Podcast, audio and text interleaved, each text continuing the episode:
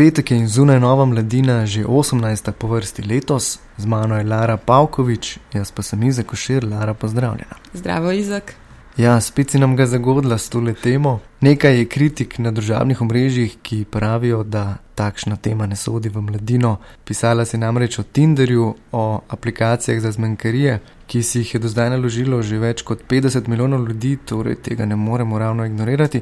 Ampak povej, zakaj tokratna mladina ni tako kot smrkli ali kozmos? uh, ja, te kritike sem kar nekako pričakovala, ampak ravno tako kot si ti rekel, pri številu uporabnikov, ki danes uporabljajo Tinder in ostale aplikacije za zmenke, se mi ne zdi ravno smiselno, ne, da se pa delamo, da je to nekaj trivialnega, ampak pač poskusimo jemati to kot zdaj integralen del sveta zmenkov. Tako da sem potem tudi jaz zastavila ta članek na način pogovora s strokovnjaki o tem in ne zdaj samo, kaj Tinder in ostale aplikacije je in kako se to uporablja, ampak predvsem kakšen ima učinek na psihično stanje ljudi. Ne. Kljub temu, da določeni zadovoljni uporabniki Tinderja gor najdejo partnerje, se tudi poročajo, selijo skupaj, pa obstaja precejšen delež takih, ki pa kljub nenehni uporabi tega ne še vedno čutijo frustracije, so zmedeni zaradi zaradi prevelike izbire in nikakor pač ne morejo najti gor primernega partnerja ali partnerke, še vedno pa jih uporabljajo. Ne? In potem so tiste faze, zbrišeš si aplikacijo, prideš nazaj gor, se pogovarjaš tri tedne, prekineš pogovor, ne? ampak kljub temu pa še vedno uporabljaš Tinder.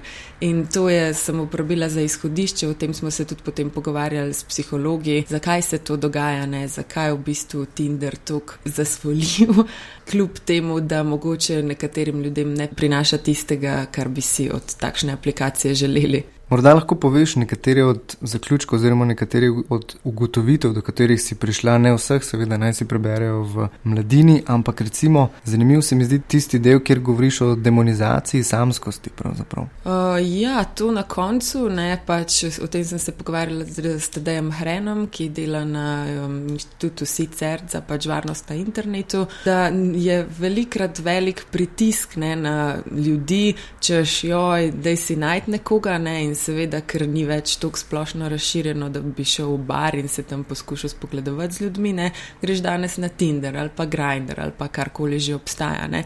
In ja, mislim, ravno zaradi tega peer pressurja se veliko ljudi prijavi gor, čeprav si v bistvu tega ne želijo. Ne? Ampak si rečejo, ok, če pa že vsi uporabljajo ta Tinder, ne? če je že ne vem, moj kolega tam našel punco, bom pa poskusil še jaz. Ne? Ampak ravno zaradi tega, ker ne vejo čisto točno, kaj iščejo in ali sploh iščejo, je potem ta zmeda zaradi prevelike izbire, nekako neizpolnjujoča komunikacija tam gor, tukaj, mislim, bolj očitna. Ena od stvari, ki jih je izpostavil dr. Zadel, pa je tudi ta, da se pravzaprav v digitalnem svetu še vedno ne znamo obnašati tako kot v analognem oziroma resničnem. Ali lahko malo pojasniš to?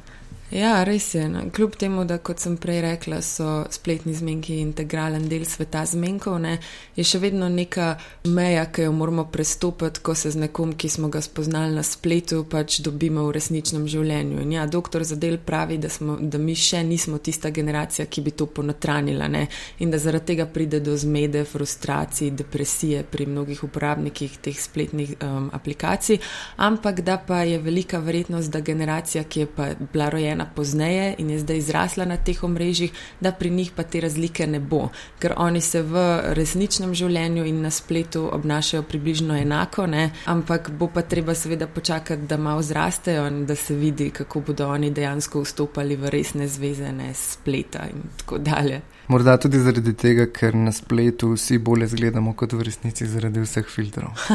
to pa res, ja.